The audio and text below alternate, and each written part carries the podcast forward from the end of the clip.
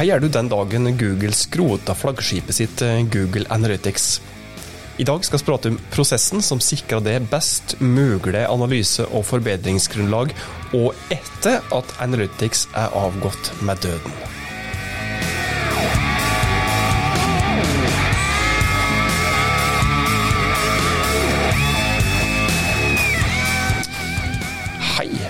Hjertelig velkommen til nok en episode av Hauspodden. Dette er fagfolket i Haus, i dag presentert med ved en av dem, som skal hjelpe deg med å nå viktige mål som du har sett deg der du jobber.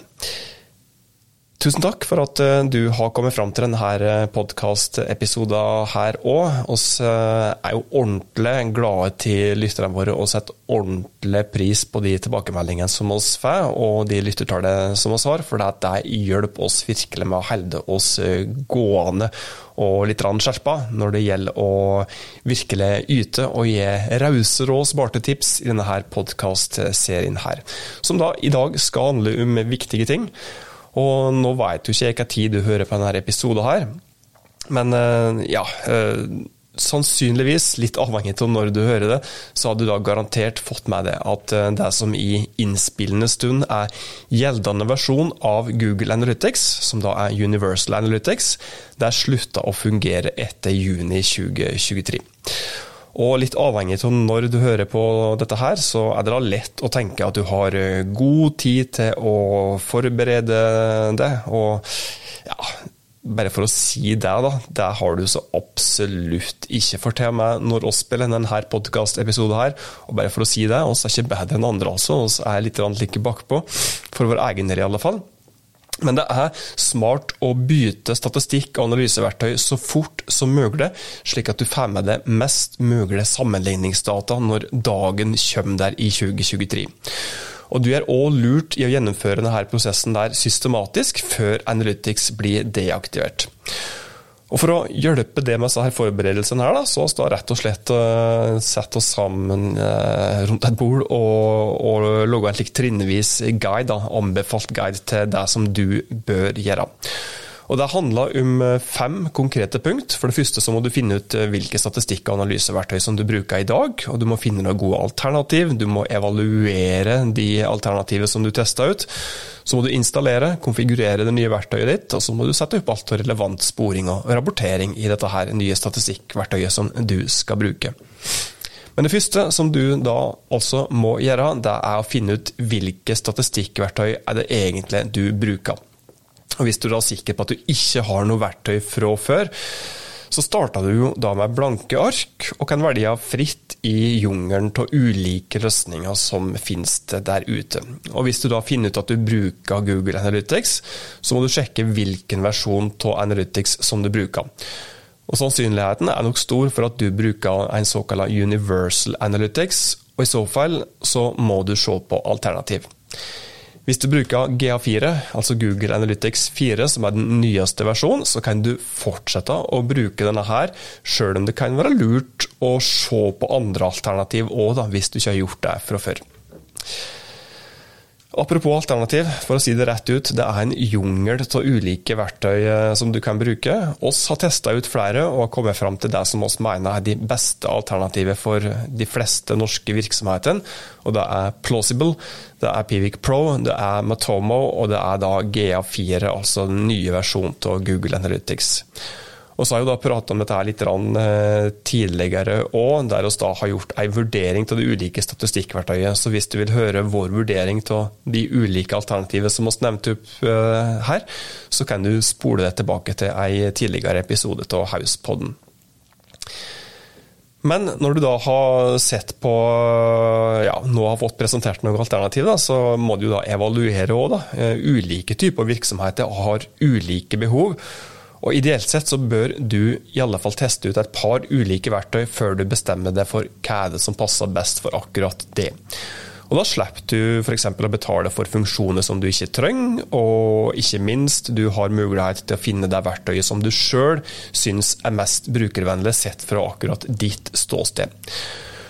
Og Før du bestemmer deg for uh, hvilke funksjoner som du trenger, så er det lurt å se på hvilke såkalte Key Performance Indicators, altså KPI, som du bruker for å måle grad av måloppnåelse for nettstedet ditt. Det vil garantert hjelpe deg med å sortere ut i alle fall noen av alternativet. Når du da har bestemt deg for eh, statistikk- og analyseverktøy, så er det på tide å installere det og sette det opp ordentlig. Og dette er enkelt å gjøre av de fleste publiseringsløsningene som finnes der ute. Men hvis du er usikker, så kan det være smart å be om litt hjelp fra fagfolk. Denne konfigureringsprosessen den er ikke nødvendigvis lang, men husk i alle fall på å sette opp ekskludering av IP-adresser fra dine egne ansatte, kollegaer, slik at du slipper å bli lurt av de tallene som du ser i analyser, noe som igjen kan føre til at du tar beslutninger på feil grunnlag når du skal forbedre nettstedet ditt. For det er jo da rett og slett det som du bruker nettstedsanalyse til for å få et godt beslutningsgrunnlag til å gjøre endringer som vil gjøre brukeropplevelsen og til slutt resultatet for nettstedet ditt enda bedre. Det er også viktig å få verktøyet til å spore det som er viktigst for akkurat det, for det er ikke nødvendigvis slik at alt av viktige nettstedshendelser, som f.eks. konverteringer Konverteringer kan jo være kjøp i nettbutikken, antall nye leads, flere andre ting. Det er ikke slik at dette her nødvendigvis blir registrert automatisk så fort du har installert statistikk- og analyseverktøyet ditt.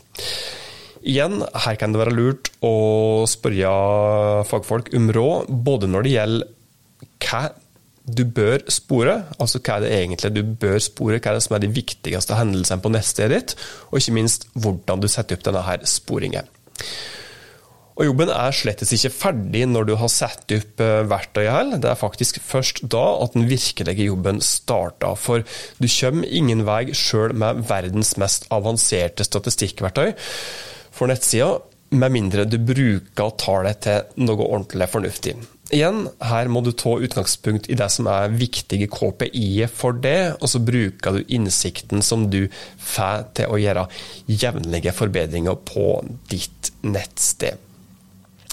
Det var dagens eh, hovedtema i eh, Hauspodden. og så har jo da eh, tisa litt om at Hauspodden skal prøve å konsentrere seg og pense seg litt inn mot å bli litt stuttere episoder med litt kjappere og enda mer konkrete tips enn det det har vært tidligere. Og Det har nok greit i denne episoden her òg, og det er nok det som vil bli det nye konseptet akkurat her. Du skal fortsatt få gode råd, men det kan jo hende at ja, tease, apropos teasing, det blir nesten en litt slik der eh, mulig nyhet for dette her, men eh, det kan nok godt hende at oss eh, dukka opp med et litt annerledes podkastkonsept eh, med litt eh, tid og stunder. Men det er en ting til som oss må få gjort i dag, og det er å rett og slett trekke fram ukas framsnakk. Det er sjølsagt mange som alltid de eh, fortjener et eh, ordentlig bra, realt digitalt klapp på skuldre, fordi vi syns at det er bra. Og i dag så skal oss framprate en norsk bedrift, eller egentlig faktisk en norsk liten bil, som heter Paxter. Paxter det er et uh, norskprodusert el... Ja, jeg sa bil, det er et el-kjøretøy. Hvis du har sett Posten sine biler i Oslo f.eks., så har du garantert sett en Paxter. Dette er jo da norskprodusert, og er det en ting som oss setter pris på i Haus, så er det norskprodusert stuttreist så lokalt som mulig. Det er viktig for oss, og ikke minst, det er en konkret del av Paxter, ikke bildel, men en versjon av Paxter som oss, oss syns er ekstra bra, og det er Paxter Second Drive.